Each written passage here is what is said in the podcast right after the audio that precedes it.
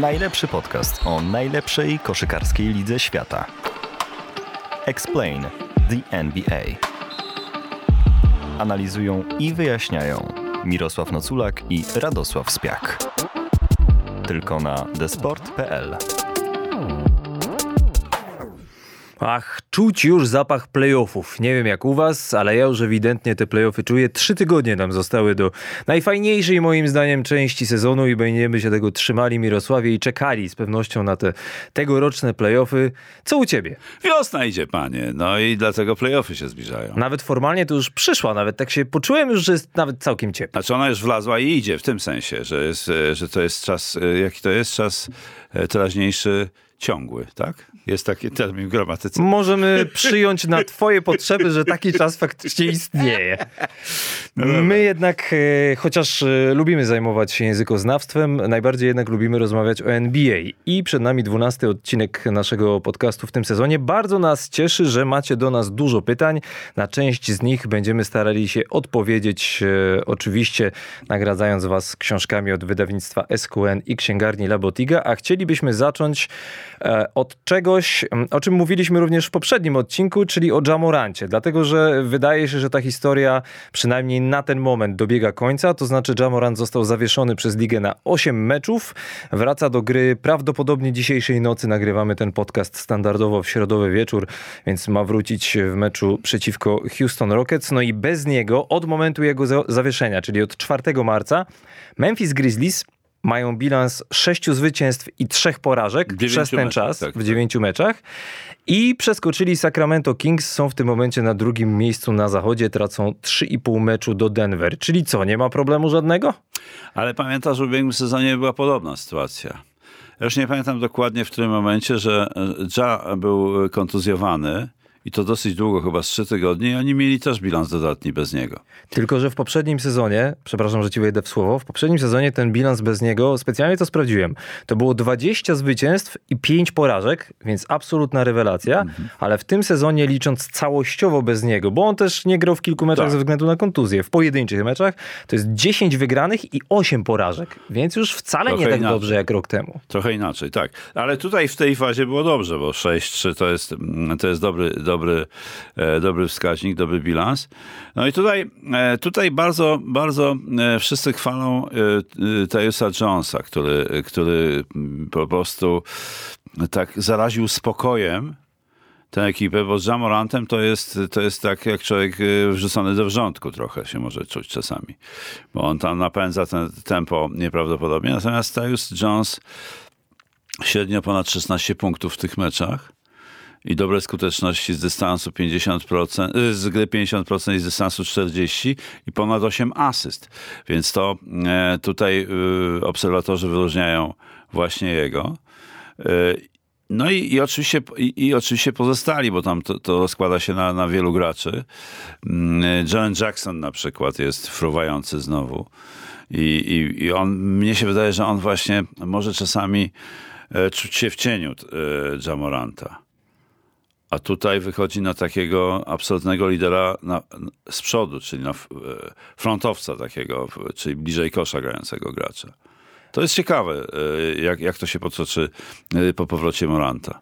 Dla mnie to jest ciekawe przede wszystkim z tego względu i zaznaczam tutaj, że w tym momencie bardziej chodzi mi, czy nam ogólnie, o strukturę gry drużyny z Memphis, a nie o samo to, jaki wpływ będzie miało to zachowanie Jamoranta na jego konkretnie przyszłość w tej drużynie. Tylko bardziej chodzi o to, jak wygląda ten zespół bez niego obecnie i jak może wyglądać w playoffach.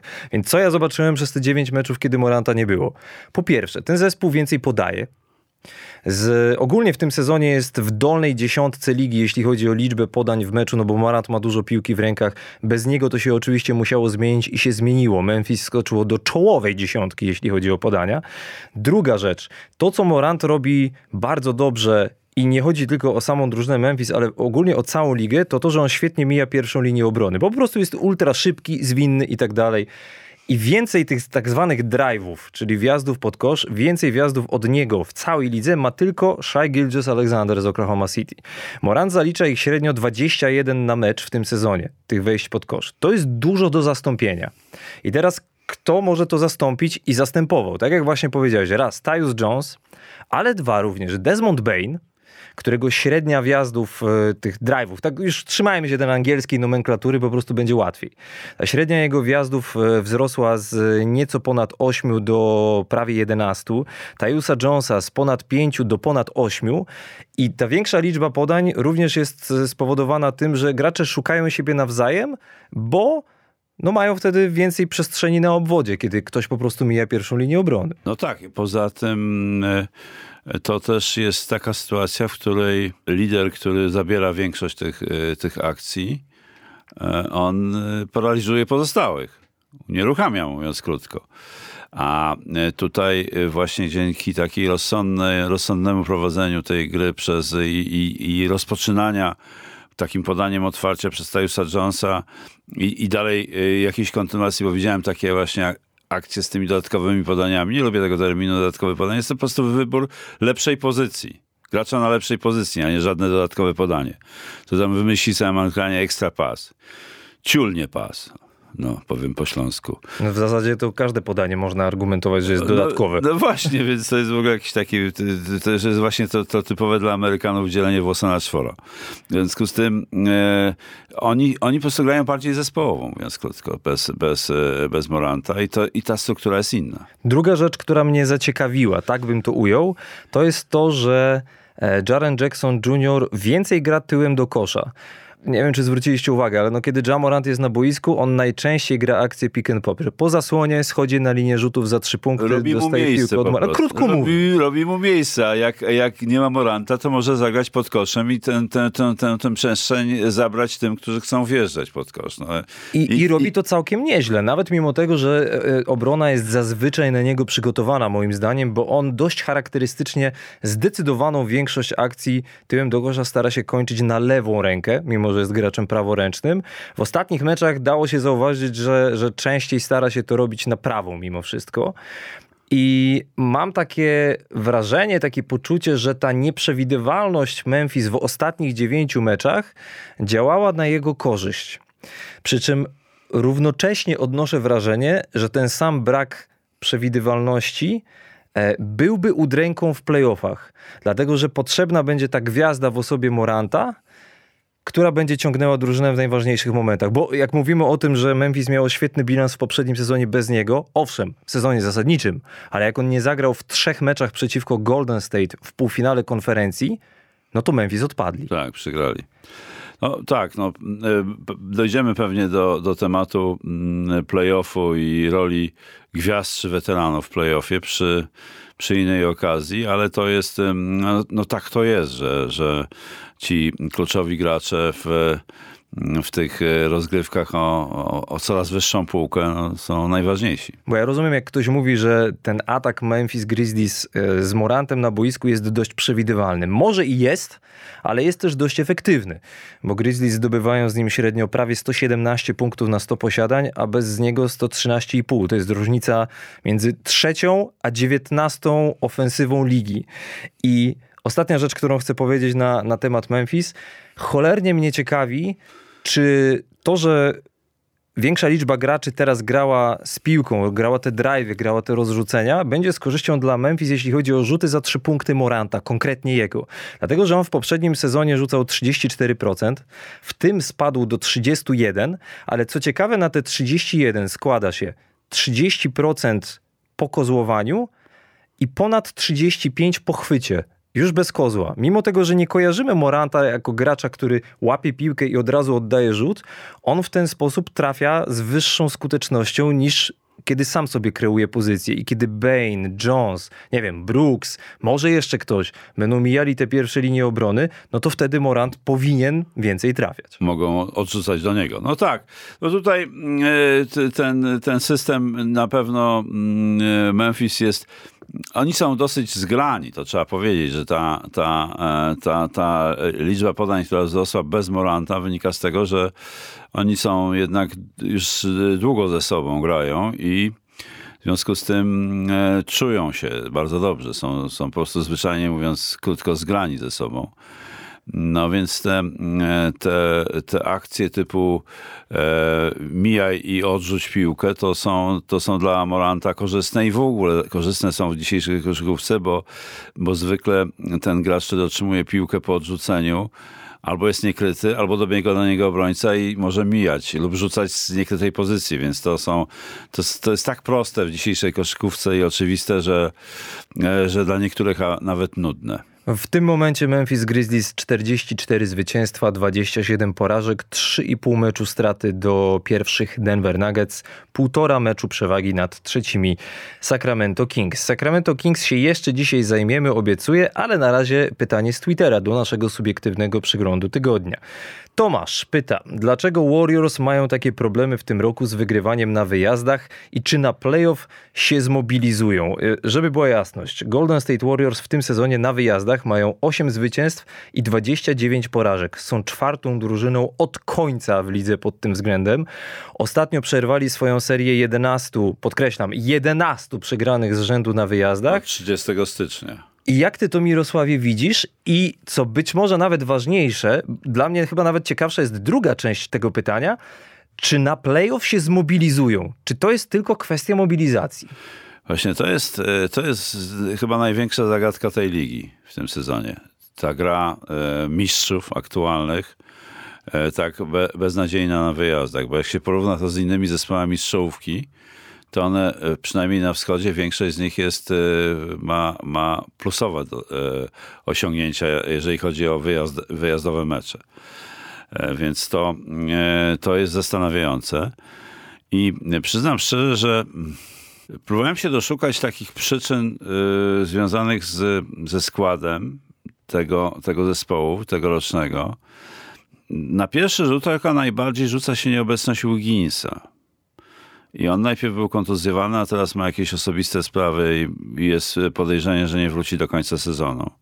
A to był według mnie mm, najlepszy gracz um, najlepszy gracz Warriors w playoffie, a szczególnie w rundzie finałowej, mimo że MVP został um, Steph Curry. I, I, bo miał najwięcej punktów i był najbardziej widoczny, ale Wiggins robił nieprawdopodobne rzeczy takie, których, których oczywiście były odnotowane w statystykach, ale jak zbiórki w ataku, zbiórki po swoim niecelnym rzucie i dobitki, więc to jest jedna z przyczyn. Tylko, że nawet z nim w składzie przegrywają na wyjazdach. No przegrywali z nim, tak, to więc, to, ale, ale tutaj i teraz zaczynam ciągle wracać do takiej, do tej pierwszej awantury przed sezonem. Pula z Greenem. Pool Green. Czy to nie miało wpływu na, na, na rozmontowanie atmosfery, na, na zburzenie atmosfery w szatni? Bo to jest kluczowa sprawa dla zespołów, które chcą wygrywać. Jaki to mogło mieć wpływ? Czy to jest w ogóle do zbadania, czy to jest w ogóle do ocenienia? no nie można wypominać wieku chłopakom, bo oni tak, tak naprawdę, Kerry jest świetnie utrzymany, 35-latek, który zdobywa 50 punktów w meczu. Clay Thompson gra nierówno, ale, ale to też jest 33. Y, Green też 33. To nie są jacyś starcy na chmielu. Więc to, to, to jeszcze jest zespół, mm, który może, może y, coś pokazać i, i, i dać siebie, więc Trudno mi jest odpowiedzieć na to pytanie tak wprost, dlaczego tak się dzieje. Przecież trener nie, nie zmienił się i nie, nie, nie, nie stracił głowy, ale najwyraźniej nie ma takiej inicjatywy i takich pomysłów jak w poprzednim sezonie. Bardzo y, pamiętasz, mówiłem o, o, o, takich pomysłach jego w obronie kombinacyjnych, box and one, zdaje się, triangle and two. On to wprowadzał, w ogóle to było niebywałe jak na poziom NBA. Tak, tylko szalony alchemik w osobie Nika Nersa w Toronto próbował kiedyś w finałach box and one i, i Jeff Van Gundy z Markiem Jacksonem jako komentatorzy się dziwili, że wow, co to za pomysł. E, nie, nie, to dobre pomysły są. To jest, to jest zaciągnięte... Ja nie mówię, że zły, tylko że rzadko stosowany, no, dlatego się dziwili. Tak, bo to, bo to jest, y, bo to, to, bo to są przy tym poziomie umiejętności graczy generalnie łatwe do rozbicia e, sytuacje, bo eliminuje się tego gracza, który jest najgroźniejszy, ale pozostali mają dużo miejsca. Więc to e, może nie działać, ale, ale Kerr to, to próbował, ale to generalnie w rundzie zasadniczej, więc ale to też takie pomysły Kera, które, które mm, które powodowały mm, lepsze rozumienie gry przez graczy. Bo to o to chodzi też. są tak, takie pomysły trenerskie, że się rozmaica obronę, żeby ją y, wzbo- wzbogacić tę naprawdę docelową obronę każdy swego. Więc to mm, tego w tym roku nie widać.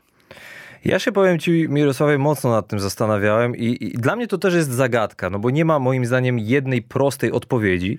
Choć gdybym próbował taką znaleźć, to należałoby wskazać obronę jako taką, całościowo. Oni są nisko, 20 któreś miejsce, czwarte. Tak? Całościowo, tak. Całościowo naprawdę bronią słabo w tym sezonie. Eee, nawet w tym momencie wygląda to jeszcze ciekawiej, jak to rozbijemy na, na atak i obronę właśnie pod kątem dom-wyjazd. Dlatego, że jeśli chodzi o atak, E, Golden State ma 14 atak w meczach domowych i 15 na wyjazdach, czyli różnica praktycznie żadna. żadna. Natomiast jeśli chodzi o obronę, u siebie trzecia, a na, na wyjazdach 28 Aha, w tym momencie, czyli, czyli trzecia od końca. Średnio jest na 26 miejscu. I teraz nie potrafię znaleźć innej odpowiedzi, jak no właśnie ta mobilizacja.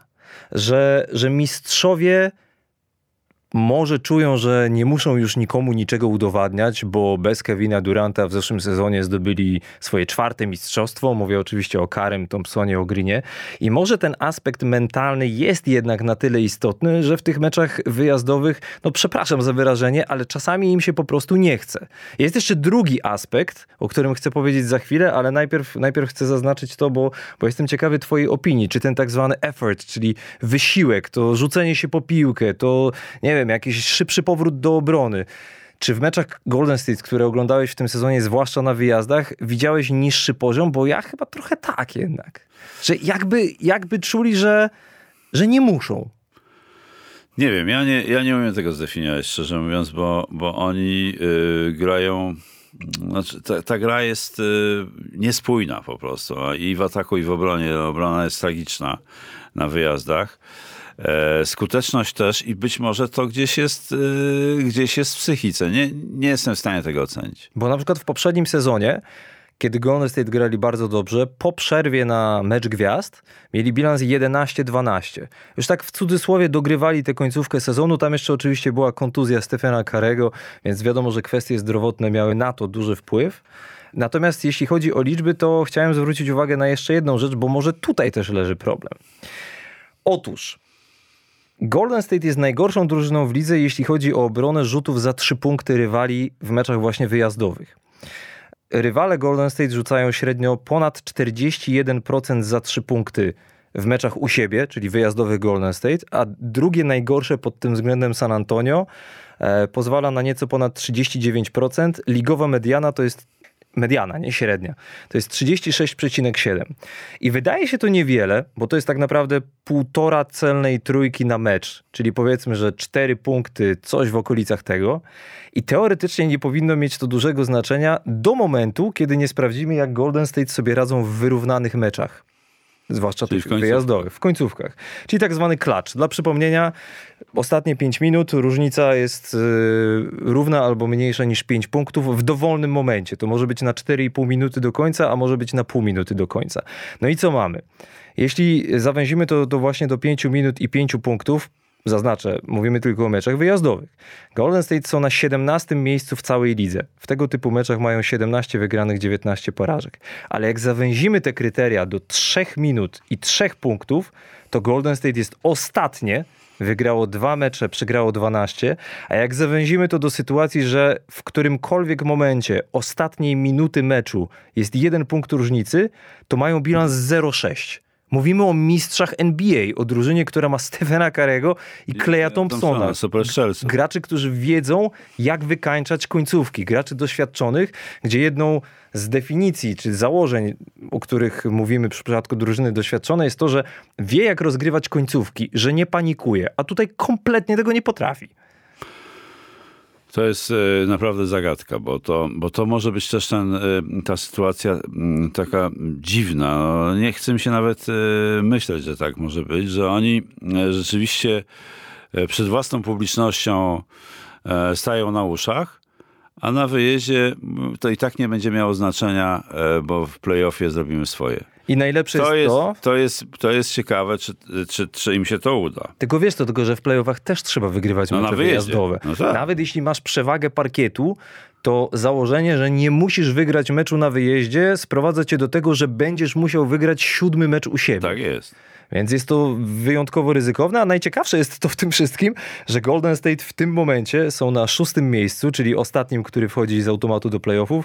Mają bilans 37-36. Mecz straty do Los Angeles Clippers, którzy właśnie stracili Paula George'a nie wiadomo na jak długo i pół meczu przewagi nad Oklahoma City Thunder i Dallas Mavericks. Totalna zagadka, co się dzieje z Warriors na wyjeździe w tym sezonie. No i jeszcze większą zagadką jest kiedy i czy w ogóle wróci Andrew Wiggins, a także Gary Payton drugi, który A mają też... wyjazdy do Dallas, Denver, Sacramento i Portland. Boże, ten terminarz jest dla nich naprawdę No. nieprzyjazny. I, tak bym to a grają u siebie z e, Filadelfią, e, Nowym Orleanem, Minnesotą, San Antonią i Oklahomą. Dziewięć meczów mają, jeszcze zostało.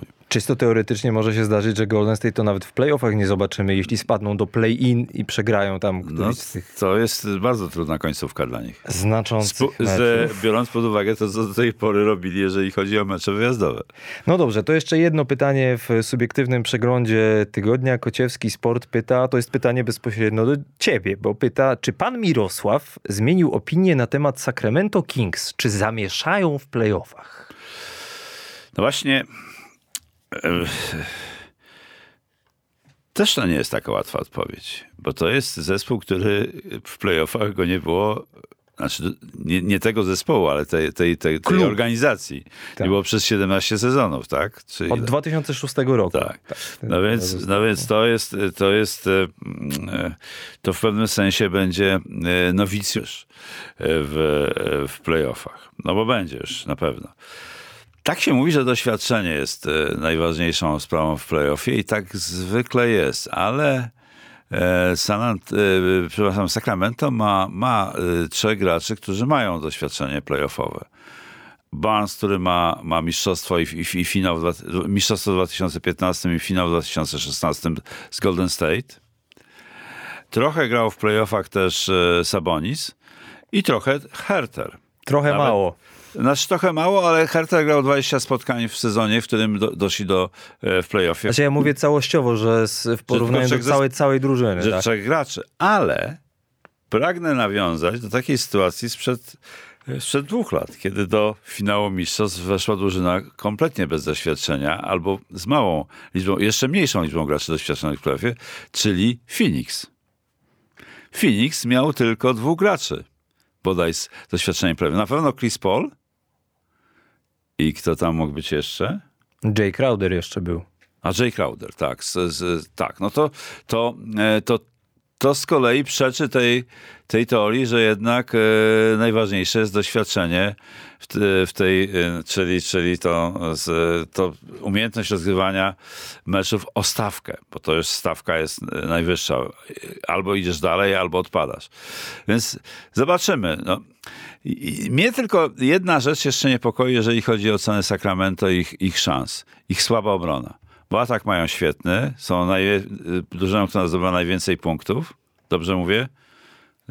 E, 118 coś tam. Tak, meczów. zdecydowanie. W tym sezonie Sacramento Tak. to jest najlepszy atak. W ogóle pod względem średniej punktowej w tym momencie prawie 121. No właśnie, no właśnie, czyli, czyli mają, mają, jeżeli chodzi o at- atak, natomiast jeżeli chodzi o obronę, to zdaje się, że jest słabiutko, bo Trzecia od końca. 26 zespół chyba. Jeśli chodzi o rating na 100 Rating, posiadań, a tak. o bezwzględną liczbę punktów y, 28, tak. Tak, 28. No więc, więc tutaj ten rozdziew między atakiem i obroną może w meczach o stawkę być groźny dla Sacramento. To znaczy może, e, może im się nie powieść e, podróż e, w playoffy dłuższa. Ja mam tylko krótką odpowiedź na to pytanie, chociaż było skierowane bezpośrednio do ciebie, ale też się wypowiem, co mi tam. Ale, ale rzeczywiście. Mianowicie, moim zdaniem pierwsza runda playoffów to będzie jak finał dla Sacramento. Mogę powiedzieć to samo, co mówiłem już jakiś czas temu i dodać do tego, że to będzie prawdziwy test przede wszystkim dla Diarona Foxa. Dlatego, że pod wodzą Mike'a Browna stał się jednym, no wydaje mi się, z najrówniej grających graczy na wysokim poziomie w lidze. I w sytuacjach, kiedy atak będzie musiał trochę zwolnić, bo zazwyczaj w playoffach to tempo gry troszeczkę chociaż spada. Nie mówię, że znacząco, ale troszeczkę spada i piłka będzie dużo w jego rękach, to jako gracz kompletnie bez doświadczenia w playoffach, a mający tę piłkę przede wszystkim, to od niego będzie najwięcej zależało. I on w tym momencie, jesteśmy już prawie pod koniec sezonu zasadniczego, jest na pierwszym miejscu w całej lidze, pod względem liczby punktów zdobytych w tych Klacz. w klacz, tak, w wyrównanych końcówkach. 185 punktów w 20, przepraszam, 36 tego typu spotkaniach dla Sacramento. I czy on będzie potrafił wytrzymać tę presję, bo inaczej jest jak rzucasz przysłowiowy rzut na zwycięstwo przeciwko New York Knicks w połowie stycznia, czy tam kiedy, a inaczej jeśli w szóstym meczu playoffów i za chwilę możesz odpaść. decydującym, czy awansujesz, czy nie.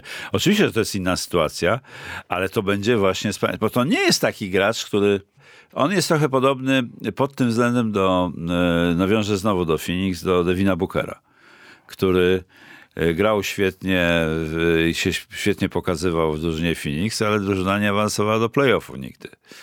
Do momentu, kiedy to się nie stało po raz pierwszy.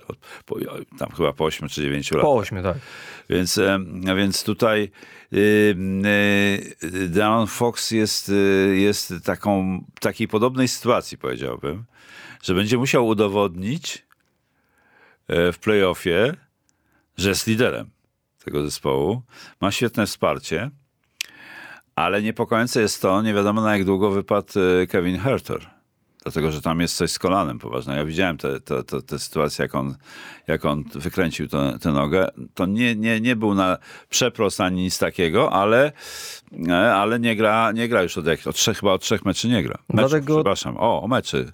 Słuchasz kogoś, Koza kogo to nie meczy. poprawiasz? Eee. To za meczy, proszę państwa, a meczów. Chociaż znam takich, którzy argumentowaliby, że skoro miecz mieczy, no to mecz też może być meczy, ale ja się pod tym nie podpisuję. Ja się w życiu pod tym nie podpiszę, ale większość ludzi mówi właśnie meczy i jak się ich nie poprawia, to w końcu wypalisz tak, jak ja to zrobiłem przed chwilą. Nie wytniemy tego i zostawimy, żebyście posłuchali i zapamiętali. Tak krótko mówiąc. Szybka poprawka, po 11 latach Phoenix wrócili Ale do playoffu. No właśnie, czyli tak. Tak długą przerwę mieli. E, ja jeszcze tylko dodam, fascynuje mnie atmosfera e, w hali w Sacramento na meczach playoffowych, jaka będzie, bo już za chwilę Sacramento zapewnią sobie udział w tych playoffach i ci ludzie po, ci biedni kibice Kings, którzy przez tyle lat musieli znosić te obelgi, że to są, to będą teraz mieli swoje. Albo słuchaj, bo to Sacramento to w końcu stolica Kalifornii. Oczywiście. Stołeczna drużyna, rozumiesz, bez playoffów tak długo. No dobrze, to porozmawialiśmy w subiektywnym przeglądzie tygodnia w zasadzie w całości o zachodzie, dlatego główny temat e, w tym odcinku naszego podcastu to będzie wschód, a konkretnie Philadelphia 76ers, e, którzy w tym momencie mają 48 wygranych, 23 porażki, są na trzecim miejscu, mają mecz straty do Boston Celtics. E, Ostatnio wygrali 8 meczów z rzędu, ta seria się skończyła po porażce przeciwko Chicago po dwóch dogrywkach U siebie notabene. na dodatek. Natomiast e, chcielibyśmy porozmawiać o Filadelfii nawet nie tylko ze względu na fakt, że w ostatnich dniach, czy powiedzmy dwóch tygodniach to jest najlepsza drużyna ligi, ale i tutaj przyznam, że sam byłem trochę zaskoczony, jak to sprawdziłem, ale to jest najlepsza drużyna w lidze od, uwaga, 5 grudnia. Kiedy po kontuzji wrócił James Harden. On miał kontuzję prawej stopy, nie było go przez e, ponad miesiąc od 2 listopada do 5 grudnia i od tej pory Philadelphia ma najlepszy atak w lidze na 100 posiadań i ogólnie ma najlepszy bilans. Więc odnoszę trochę takie wrażenie i mówię to również patrząc na siebie, że dobra gra Filadelfii nie w ostatnich tygodniach, tylko w ostatnich miesiącach przeszła trochę niezauważona. Dlaczego? Trudne pytania, co? No tak, bo ja, ja, mam, y, ja, mam, ja mam wrażenie, że to co powiem może być ob- obrazowólcze, ale że James Harden dojrzał do tego, żeby być cichym liderem zespołu, a nie pierwszoplanowym liderem. Okej. A dlaczego to jest obrazoburcze? No bo on, on zawsze ma ten zadarty nos taki, wiesz, natury swej i jeszcze na dodatek z głowy ma też, w głowie ma zadarty nos i nagle jakby, nie jakby, ale spokorniał w, moje, w moim odbiorze. Znaczy ustawił, nastawił się na to, że jest obok niego brylant, Joel Embiid i trzeba ten brylant, wiesz, pokazywać w, możliwych, w, możli, w możliwym każdym świetle do, dostępnym dla, dla, dla kibica i dla przeciwnika.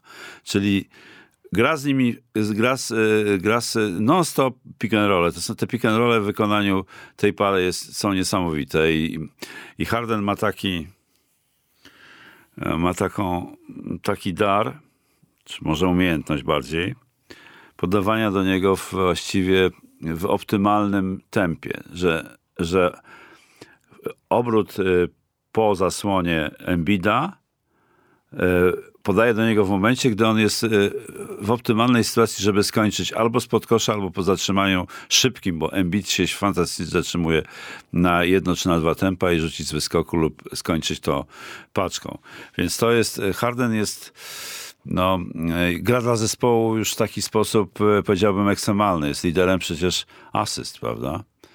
I te, te, te gierki z, z Embidem są fantastyczne, ale też jak jego nie ma na boisku, to częściej decyduje się na to, co lubił robić kiedyś, czy nie rzuty z dystansu, a nawet wejścia pod kosz, które w ubiegłym sezonie kompletnie mu nie wychodziły, a w tym roku to wygląda dużo lepiej.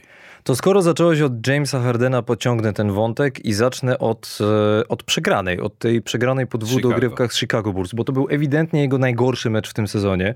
Miał 2 na 15 z gry, 0 na 6 za 3 punkty, czyli łącznie 5 punktów, 14% z gry. E, no nie trafił żadnej trójki po raz trzeci w tym sezonie i owszem, miał 12 asyst, ale miał też 5 strat. I oczywiście część z tego z tych słabych statystyk wynika z tego, że mocno go męczył Patrick Beverly. Natomiast mam też wrażenie, że że Harden jednak już na koniec sezonu zasadniczego wygląda na mocno zmęczonego. I dla mnie najbardziej istotne w kontekście tego, jak daleko będzie mogła zajść Filadelfia, y, będzie zdrowie, nawet nie tylko rozumiane pod kątem obecności w playoffach, ale pod kątem tego, jak ta drużyna rozegra końcówkę sezonu. Bo co jest bardzo istotne w tych 11 meczach pozostałych do końca dla Filadelfii, po prostu wystarczy zobaczyć, z kim oni jeszcze będą mają musieli grać. Terminarz. Mają najtrudniejszy terminarz ze wszystkich drużyn, bo no mają jeszcze e, jeden mecz e, w Chicago, który już się odbędzie w nocy ze środy na czwartek, a więc już będziecie, już będziecie znali wynik, jak będziecie odsłuchiwali ten odcinek podcastu. I potem wyjazdy do Golden State, Phoenix, Denver, mecz z Dallas, mecz z Bostonem, mecz z Milwaukee. I w sytuacji, kiedy Philadelphia ma szansę na drugie miejsce w konferencji, matematycznie nawet jeszcze na pierwsze, mocno bym się zastanowił nad tym. Wiem, że nie lubisz tego load management, ale ta Philadelphia już tak długo czeka na jakiś sukces w playoffach i miała tak dużo problemów zdrowotnych również w playoffach, że mocno bym się zastanowił nad tym, czy jednak nie dać trochę odpocząć raz Hardenowi, raz Embiidowi, bo to, że James Harden gra 46 minut w meczu z dwiema dogrywkami, gdzie gra słabo, jest po prostu kontrproduktywne dla mnie. To prawda, ale y, no, tutaj Doc Rivers będzie y, musiał decydować, podjąć decyzję, co z tym zrobić. Czy, bo oni wygrali te 7 meczów, czy 8 z rzędu, y, wygrali z takimi drużynami, no nie z najwyższej półki, chociaż pierwszy wygrany był w Milwaukee, prawda? Tam... Gdzie zakończyli ich 16-meczową serię zwycięstw. E, Milwaukee, a, a sami przegrywali już chyba 18 punktami tak. w tej w I byli w, w stanie meczu. wygrać. I wygrali to i Harden tam zagrał znakomicie, bo tam ponad powyżej 30 punktów zdobył, bodaj 36. Więc, e, więc tutaj e, e, no bardzo jestem ciekaw, jak, jak to rozwiąże e, Doc Rivers tę sytuację ma ten skład, niby, e, niby ma, mm, ma rotację, ale, ale to nie jest taka rotacja, e, że, że, że zmiennicy są na tym samym poziomie lub zbliżonym poziomie do, do, co, do, co do pierwszej piątki. To ważne, że wspomniałeś do Riversa, o nim też chwilę porozmawiamy, bo moim zdaniem to, że Harden zagrał słabo, na przykład przeciwko Chicago, czy że ogólnie gra słabo w niektórych meczach, po części może wynikać moim zdaniem właśnie ze złego zarządzania rotacją. Dlatego, że nie posądzałbym Jamesa Hardena o to, że że on odpuszcza, albo że czasami, owszem, czasami mu się nie chciało w obronie, wiemy. To jest z, z czasów, kiedy grał w Houston. Ale ogólnie do momentu, kiedy trafił do Brooklynu, on nigdy nie miał tak naprawdę jakiejś serii, kiedy ze względu na problemy zdrowotne musiał opuszczać mecze. Przez prawie dekadę był ligowym liderem, jeśli chodzi o liczbę minut spędzanych na parkiecie. No ale ma 33 lata I, I te kwestie zdrowotne, zwłaszcza ze stopami, no. bo raz lewa, raz prawa, zaczynają mieć, mam wrażenie, coraz większe znaczenie. I dlatego tak istotna jest ta rotacja. E, I myślę, że też dlatego Doc Rivers próbuje trochę eksperymentować. Nie wiem, czy nie za późno i jestem ciekawy twojej opinii jako trenera na ten temat.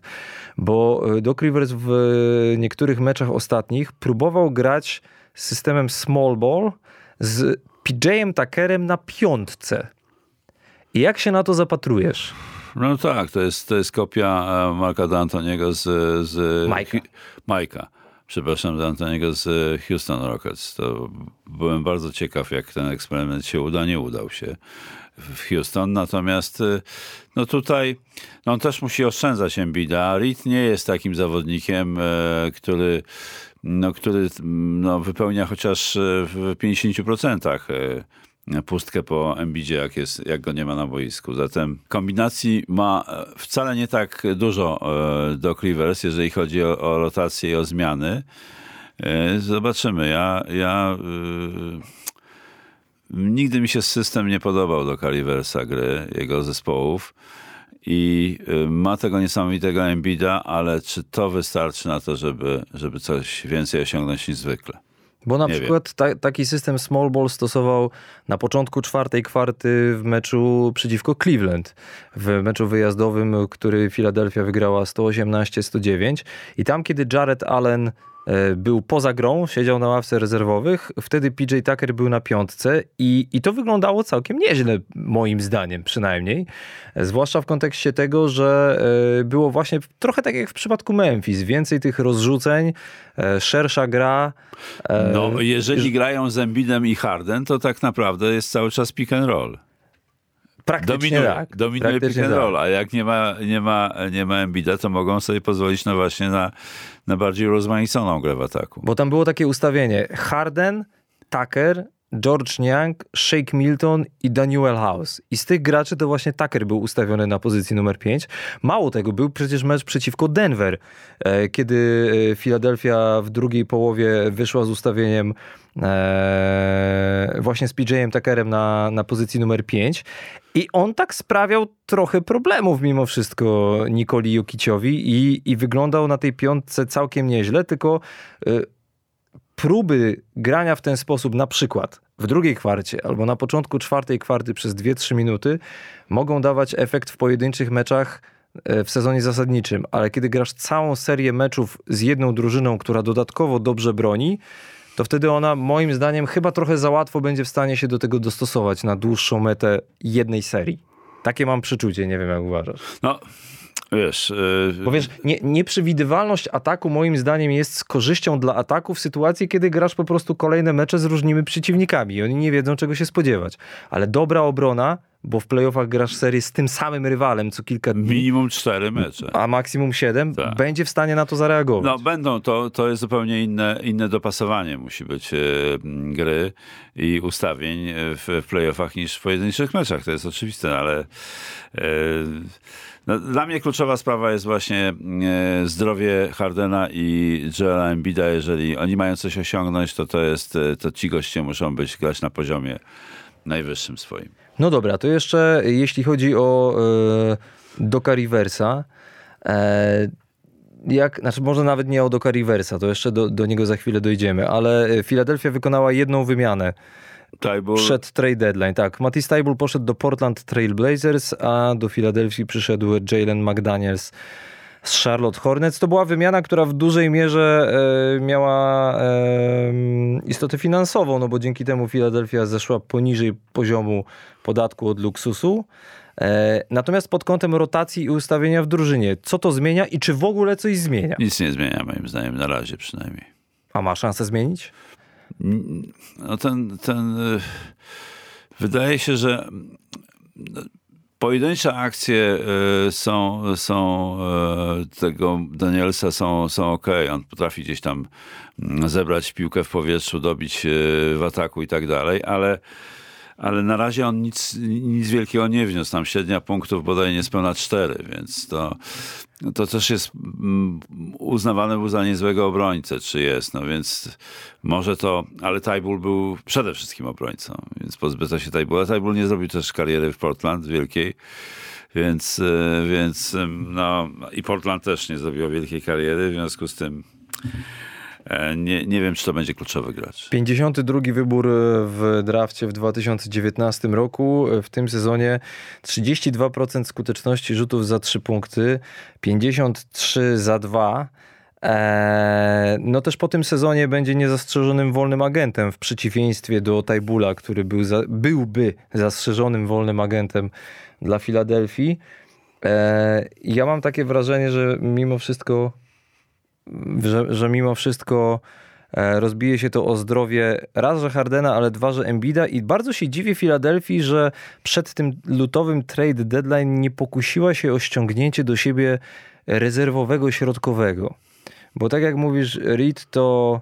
No to nie ale Szymon to jest Haller jest, ale on też w ogóle Ja nie bym mu wychodzi. nie ufał, szczerze Nie, mówiąc. I myślę, że do Clippers mu nie ufa ostatnio, bo, bo w ogóle nie wypuszcza. I w sytuacji, kiedy byli do wzięcia chociażby Sergi Baka, albo Nerlens Noel, albo Cambridge, e, to bardziej bym poszedł w tę stronę.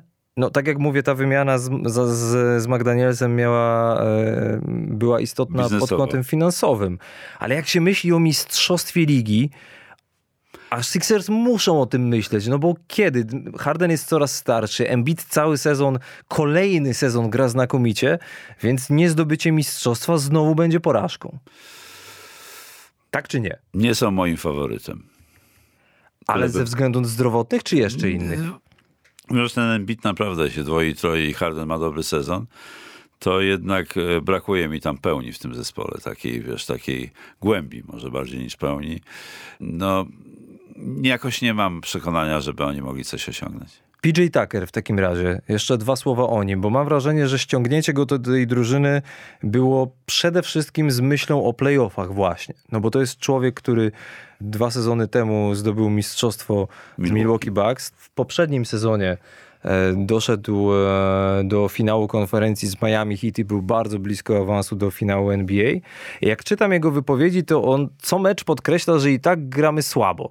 Że mimo tego, że Filadelfia ma dziesiątą obronę w lidze pod względem średniej traconych punktów na 100 posiadań, to on i tak zaznacza, że musimy grać lepiej, ta obrona była gówniana e, i że to musi się zmienić. I może bardziej pod kątem mentalnym, osobowościowym brakowało takiego człowieka, który również Embiidowi i Hardenowi, wielkim gwiazdom, powie, że hej, jesteście świetni, ale drużynowo to wciąż jeszcze nic nie znaczy. No więc myślę, że, że, ten, że ten PJ Tucker to ma prawo, żeby takie uwagi zwracać. Raz, że jest mistrzem, dwa, że e, w odróżnieniu od Embida i Hardena, którzy jeszcze takich tytułów nie mają, no ale przede wszystkim doświadczonym graczem i on wie o czym mówi, bo on w obronie jest w stanie zatrzymać każdego. E, W ogóle jeśli chodzi o atak, jeszcze tylko tak, żeby wrzucić kamyczek do tego ogródka Dakera, jego ten usage rate, czyli e, to ile akcji kończy rzutem, albo jest faulowany i ma rzuty wolne, albo zalicza stratę, jest po prostu komicznie niski, bo to jest 6,5%. Więc na poziomie gracza no grającego tyle minut, ile gra PJ Tucker, będącego stałym graczem w rotacji dość istotnym, to jest, to jest śmieszna liczba nawet bym powiedział. I, yy, I chociaż oczywiście żadna z drużyn, która będzie walczyła o mistrzostwo nie jest idealna, każda ma swoje wady, nawet Milwaukee, nawet Denver, to Filadelfia ma tych wad chyba najwięcej. Nawet mimo tego, że tak jak powiedzieliśmy od 5 grudnia jest najlepszą drużyną w całej lidze. I jeszcze jedno pytanie, jeszcze jedna kwestia. Tyrese Maxi. Gdzie jego w tym odnaleźć w kontekście playoffów również? No Tyrese e, Maxi jest, e, jest trzecim, e, trzecim graczem pod względem zdobywanych punktów w Filadelfii i jest takim żywym srebrem tej drużyny.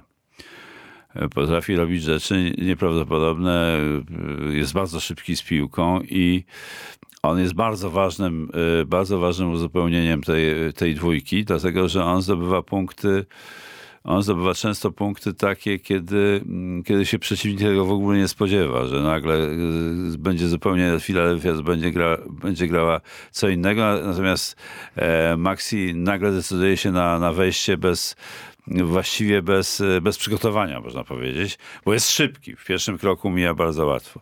Więc to jest bardzo ważny gracz w tym, w tym zestawieniu ale też no, niezbyt doświadczony, mówiąc krótko, bo to młody zawodnik jest. Zobaczymy, jak to się będzie. Harris też jest taki trochę nie, nie do końca obudzony, moim zdaniem, więc y, tam jest mnóstwo luk w tej, w tej ekipie. Nian, który jest, ma nadwagę i, i wali te truje niesamowicie, ale, ale w obronie to może go każdy przejechać. Albo, albo fauluje, albo daje się e, minąć, więc ta drużyna naprawdę ma, te, ma ten brylans w postaci Embida i tego, tego organizatora gry mm, Hardena, ale jakoś nie widzę tam w takiej, takiej kompozycji do końca dającej, e, budzącej zaufanie, tak bym to określił. I mimo tych wszystkich wad, Filadelfia w tym momencie, y, przypomnę, bilans 48-23, trzecie miejsce na wschodzie, mecz straty do Bostonu. Ostatnia kwestia, jeśli chodzi o Sixers, bo ja powiedziałem o tym, że moim zdaniem najważniejsze będzie to, żeby Harden i Embiid byli zdrowi na playoffy. Zgadza się. Więc na ile istotne przy tej cholernie trudnej końcówce sezonu będzie to, żeby spróbować przeskoczyć Boston albo może nawet dogonić Milwaukee. Na ile Filadelfia, inaczej mówiąc, ma się zabijać o to, żeby być jeszcze wyżej? Myślę, że to nie ma sensu, żeby oni się zabijali, natomiast ważne jest, żeby żeby przynajmniej utrzymali trzecią pozycję. Ale drugie, trzecie miejsce, nie? Nawet jeśli w półfinale konferencji no wtedy nie będą mieli przewagi trzecie, parkietu. To wiadomo, no. Ale, ale czy oni... Boston ostatnio się pokazał znakomicie, chociaż też gra nierówno ale... Ostatni ale mecz wygrana w Sacramento. W Sacramento właśnie z, z tym kandydatem do, do namieszania w playoffach. I tam dali szkołę niezłą e, właśnie mm, Kalifornijczykom. Trudną, trudną, ma, trudną, trudną rzecz do zgryzienia ma e, do Rivers, uważam. Jak, jak rozłożyć siły swoich graczy, żeby im nie zaszkodzić no to w końcówce sezonu. Skoro jesteśmy przy temacie Sixers, to już nawet nie bezpośrednio o nich, ale kwestia MVP. Joel Embiid czy Jokic? Na tym etapie sezonu, kiedy mamy te około 10 meczów do, do końca rozgrywek. Czy może jednak ktoś inny jeszcze? Nie, nikt inny. Tylko ci dwaj się liczą moim zdaniem. No dobra, a z nich? No jeszcze, jeszcze tam się wymienia Janisa, tak? Że on Tatum może... odpadł? E, Tatum raczej tak. E, e, Morant wiadomo, bo on tam też się gdzieś był blisko. Myślę, że znaczy ostatnie 10 meczów Embida są niesamowite, bo ma we wszystkich meczach powyżej 30 punktów. W każdym meczu ma z tych 10 Jest ostatnich. najlepszym strzelcem ligi. I jest najlepszym strzelcem ligi, więc to jest to po pierwsze. Ale z drugiej strony, mm, w tym samym okresie, kiedy, e, kiedy Embiid robił te 10, e, miał tę serię 10 świetnych meczów punktowo, to Denver dołowało, ma 5-5 bodaj w ostatnich, w ostatnich 10 meczach. 5 zwycięstw, 5 przegranych, więc ale, ale sam, sam Jokic miał chyba 3 razy w tych 10 triple-double. No on w ogóle brakuje mu jednej dziesiątej asysty do średniej triple-double na ten moment. A Bo przypomnijmy, że jedynymi graczami w historii ligi ze średnią triple-double na koniec sezonu byli Oscar Robertson i Russell Westbrook. Więc no, tak. no, to co jest istotniejsze? Jakbyś, jakbym ci teraz kazał wybrać tak. jednego. Ja gdybym miał, ja, bym, ja będę cały czas obstawiał Jokicza, dlatego że to jest e, właśnie te, te, te, e, te składowe punkty, zbiórki i asysty, to wykonanie Jokicza to jest, to jest taka, no, ilustruje taką nowoczesną wszechstronność gracza. A jeszcze szczególnie gracza środkowego. O parametrach środkowego. No bo jakiś gra de facto środkowego. I Embiid ma podobne, y, podobne osiągnięcia, w, jeżeli chodzi o punkty, a nawet lepsze zdecydowanie od, od Jokicza. Podobne zbiórki, ale w asystach nie jest już tak wyrafinowany jak, jak Jokic, więc ale z drugiej strony Embiid e, ma takie, takie umiejętności, których Jokic nie ma. Lubię takie dyskusje, jak nawet prowadzisz sam ze sobą, że a w sumie z drugiej strony to może jednak ten Embiid, no bo każdy tak dyskutuje sam ze sobą. Jak chce przyznać nagrodę MVP, ja też sam ze sobą dyskutuję i zanim powiem swoje zdanie, chcę spróbować zderzyć, zestawić twoją opinię z tym, co powiedział były trener m.in. Denver Nuggets, kiedyś Seattle Supersonics, George Karl. Aha. Często o, się ostatnio wypowiada. Tak, on powiedział coś takiego. Uważam, że Joel Embiid jest naprawdę, naprawdę dobry, ale w obronie za często odpoczywa i ma leniwą mowę ciała. Jak to, A to? Tak, tak, to czytałem też. Leniwa mowa ciała. czyli ja bym to rozumiał tak, że George Karl uważa, że mu się nie chce czasami, po prostu. I z tym, że on ma taką no właśnie ta leniwa mowa ciała może się kojarzyć z tym, że on ma taką, on jest taki przegubowy. Taki w ruchach Jak miękki, autobus tak, taki miękki, składa... Wyobraziłem sobie. Tak, on wiesz, taki jest bardzo elastyczny. Joki zresztą też, ale on jednak bliżej się trzyma pionu. Natomiast y, uważam, że Embiid ma, ma parę cech takich, których Jokic nie ma. To jest fenomenalne to, co on robi w obrocie. Gość, który ma taką masę, Mówię, mówię przy piwocie, kiedy się posługuje w pół sekund przy grze jeden na jednego e, pivotem. On się obraca wokół własnej osi z taką, e, z, z tak wielki facet w pionie, dokładnie. Dlaczego to jest ważne?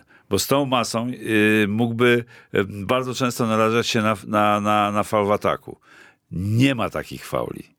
Przynajmniej ja nie, nie przypominam sobie, że, żeby Jokic w obrocie, e, przepraszam, e, Embiid w obrocie popełnił przewinienie. Zresztą Jokic też to robi znakomicie.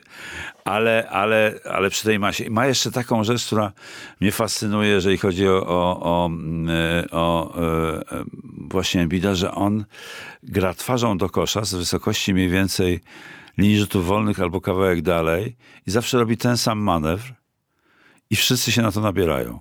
Zaczyna prawą ręką kozować, robi kozioł przed sobą, hesitation, zatrzymanie i skacze.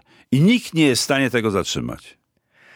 Ale jeśli chodzi o leniwą mowę ciała, to... To co ty rozumiesz przez to?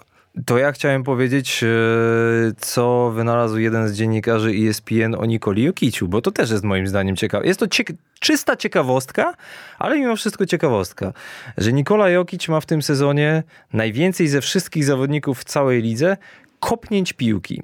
45. Wyobraź sobie, że, że ludzie prowadzą takie statystyki i e, ten dziennikarz... W sensie, że, że wy... No zatrzymań piłki nogą. Że broni nogą. Tak, że broni nogą, tak. tak. A, I, e, I dziennikarz Zaklow uważa, że, że w ten sposób Nikola Jokic pokazuje, nie chce mi się grać w obronie. A teraz sobie odpocznę. No ale właśnie, ale co sądzisz na ten temat? Bo nawet drugi gracz w tej klasyfikacji kopniętych piłek e, ma ich tylko 17, a Jokic ma 45. Jest to jakiś, jest coś w tym czy nic? Nie wiem. Ja nie Jak z twojego trenerskiego ja, doświadczenia. Nie, Czy jak twój gracz kopnął piłkę y, trzeci raz w ciągu dwóch meczów, to uważałeś, że mu nie, no nie to chce? Jest, to jest trochę takie, takie odpuszczenie w obronie. To można tak to ocenić, jako odpuszczenie w obronie. Dlatego, i dlatego ten... nie, no. nie dam rady, nie obronię, to wystawię nogę, niech, on, niech, on, niech ta noga zatrzyma piłkę, jak ja nie mogę zatrzymać gracza, to, to niech, niech moja noga zatrzyma piłkę. No i dlatego ten argument o leniwej mowie ciała Embida, żeby dać nagrodę MVP Jokiciowi, nie do końca do mnie przemawia. W tym kontekście. W tym kontekście. Natomiast e, powiem tak, równie dobrze mógłbym E, rzucić monetą w tym momencie, na tym etapie sezonu, żeby, żeby spróbować przyznać MVP albo Embidowi, albo Jokiciowi, bo dla mnie to też będzie jeden z tych dwóch, nie Janis i nie Tatum, e, ale żeby podjąć decyzję samodzielnie, stwierdziłem, że po prostu przejdę do e, źródłosłowu, no bo w MVP jest słowo valuable, czyli wartościowy. To nie jest tak jak w Final Four NCAA Most Outstanding Player, czyli najbardziej wyróżniający się na zasadzie, że ma niesamowity sezon, tylko wartościowy. I wiadomo, że przede wszystkim trzeba by zdefiniować wartość gracza X dla drużyny Y i porównać to z wartością gracza Z dla drużyny A. I jest to bardzo trudne, bo na to składają się zwycięstwa, statystyki, obrona, mental, przywództwo i tak dalej. Miejsce w tabeli. Miejsce w tabeli. E, no miejsce w tabeli Denver ma lepsze, ale jeśli chodzi o całościowy bilans, to jest praktycznie to samo. I sprowadzę to w tym momencie do jednego, bo to jest naprawdę wyścig o włos. Philadelphia w tym sezonie bez Joela Embida bilans 9-5. Denver bez Nikoli Jokicia 3-5. Więc nagroda MVP wędruje do Nikoli Jokicia, bo Philadelphia bez Embida radzi sobie w tym sezonie prawie tak samo dobrze jak z nim. Dobrze, to umotywowałeś, ale a ja wiesz, wiesz dlaczego ja wybieram Jokicza? Wiem. Dlatego, że on może być jednym z tych, czwartym, który może z trzeci raz z rzędu zdobyć e, e, MVP, trzy razy z rzędu zdobyć MVP. Przypomnę, że to był Will Chamberlain, Bill Russell i Larry Bird. No to już było naprawdę, byłoby naprawdę doborowe towarzystwo, zwłaszcza dla człowieka, który nawet nie zagrał w finale NBA jeszcze do tej pory. To trzeba zaznaczyć. No to już na sam koniec króciutko jeden temat, tak powiedzmy z pogranicza boiska. Eee, na Twitterze pyta, jak skomentujecie to, co ostatnio powiedział Damian Lillard w wywiadzie na temat NBA. Lillard w rozmowie z JJ Redickiem w jego podcaście powiedział mniej więcej coś takiego, spróbuję to przetłumaczyć najlepiej jak potrafię. NBA, w której gram obecnie, nie jest tą samą NBA, do której trafiłem. Spodziewałem się, że będzie ewoluowała, bo wszystko wciąż się zmienia. E, ale ja gram dlatego, że kocham koszykówkę i kocham rywalizację. Chcę wiedzieć, jakie to uczucie wygrywać i chcę, żeby moi koledzy dobrze sobie radzili.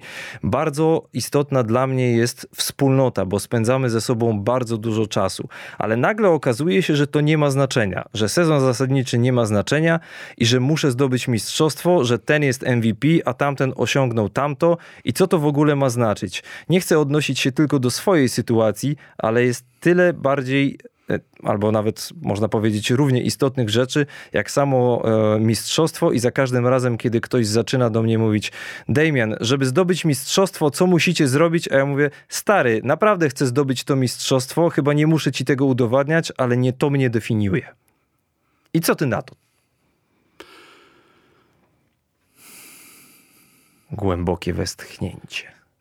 To jest taka wypowiedź która nie wiem, co miała zakomunikować, szczerze mówiąc. Bo co, że to dobrze, że, że podkreślił, że, że wszystko się zmienia, bo, bo to już nawet odkrył Heraklit, stwierdzając Pantarei swego momentu, że wszystko płynie.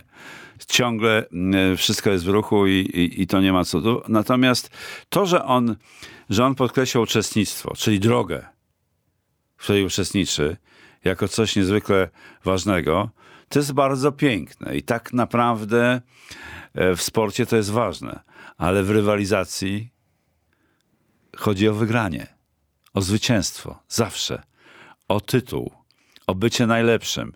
I, mm, I to jest cel rywalizacji. Natomiast nie wszystkim się to udaje. Nie udaje się to Lillardowi z jego zespołem co w ogóle w moim odczuciu, więc nie wiem po co to mówi, nie obniża jego wartości.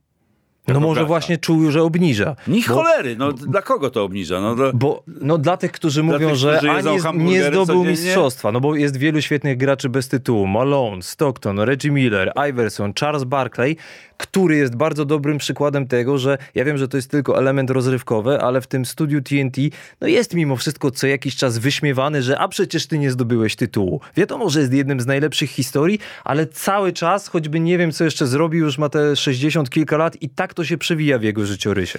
Może no, o to chodzi Lillardowi. Wiesz, to jest taki, to jest taki argument, argument, a ty nie zdobyłeś e, tytułu. Jest dosyć, e, no może drastyczny i taki kąśliwy powiedziałbym, bo rzeczywiście ten, kto nie zdobył tytułu, nie wie jak to smakuje. Nie wie po prostu. Bo ja jeszcze tylko powiem, że... I jak... ten smak jest, no. jest tylko dany zwycięzcy, nikomu innemu. Więc, e, więc można mieć na tym, można mieć z tego tytułu jakieś, jakieś E, poczucie niespełnienia. Ale według mnie Lillard w swojej historii gracza jest zawodnikiem spełnionym właśnie, fenomenalnym graczem, który osiąga znakomite rezultaty indywidualne. Mało tego, dla mnie zmienił się w, jako obserwatora, zmienił się z egoisty w, e, w prawdziwego lidera Portland. I to jest dla mnie fajne, jak, jak on się zmienił. I dla mnie on, on nie musi wygłaszać takich pierdół za przeproszeniem, żeby mnie przekonać, że on jest świetnym graczem. Ja jak e, pierwszy raz przeczytałem tę wypowiedź, to miałem wrażenie, że to jest usprawiedliwianie się na zapas, jeśli do końca kariery nie zdobędzie mistrzostwa. E, I on twierdzi, i tu, tutaj e, też jest dalsza część wypowiedzi, że nie wie jak długo jeszcze będzie grał, bo po prostu mu się to nie podoba, ale twierdzi też, że ma stabilne życie, które nie jest oparte na tym, kim jest jako gracz NBA. Że ma rodzinę, że się spotyka tak, z ludźmi, tak, dzwoni ma do wujka, przyjaciół, do babci, tak, wszystko tak to, wszystko wszystko no, to. to. to. wszystko jest fajne, bardzo, bardzo ładnie to powiedział. Ten egzystencjalny wymiar y, kariery sportowca jest niezwykle ważny i niedostrzegany i pomijany często, bo to jest, y, bo to jest ta druga strona, y, o której kibice chcą wiedzieć, ale, ale tylko w postaci sensacji. Natomiast taka codzienność, zwyczajna, nikogo nie interesuje. A, a, a, Lillard pielęgnuje to i to, i, to, fa, i, to, i to, jest, to jest sympatyczne i to jest może nie tyle sympatyczne, co jest bardzo dobre. O, tak bym powiedział, że to jest takie... To jest cnota. To jest cnota, to jest human being, jak mówią Amerykanie, że to jest element człowieczeństwa istotny. Ostatnie zdanie ode mnie i jednocześnie pytanie do ciebie, bo słyszałem kiedyś taką opinię od gracza, który zdobył mistrzostwo. Eee, już nieważne w jakiej lidze, ale powiedział coś takiego, że najfajniejszym momentem właśnie nie było samo wygranie ostatniego meczu finałowego, tylko najfajniejsze, najprzyjemniejsze momenty to były wszystkie te drobne momenty po drodze, które składały się na tę w cudzysłowie podróż do tego mistrzostwa, że to było tak naprawdę esencją, a nie samo wzniesienie pucharu czy trofeum. Filozofia bitników, przełom lat 40 50 bycie w drodze, a niekoniecznie dotarcie do celu. Jack Kerouac. Jack Kerouac Polecamy. na przykład. Tak jest. Polecamy. Albo Burroughs, ale on za dużo brał różnych środków owadobójczych, które go wypędzały na orbity nieosiągalne dla normalnych ludzi. Więc Jack Kerouac. Wątki kulturalne powrócą w następnych odcinkach Explain the NBA. Najbliższy za dwa tygodnie. Słyszymy się. Trzymajcie się i cześć. Czołem, czołem.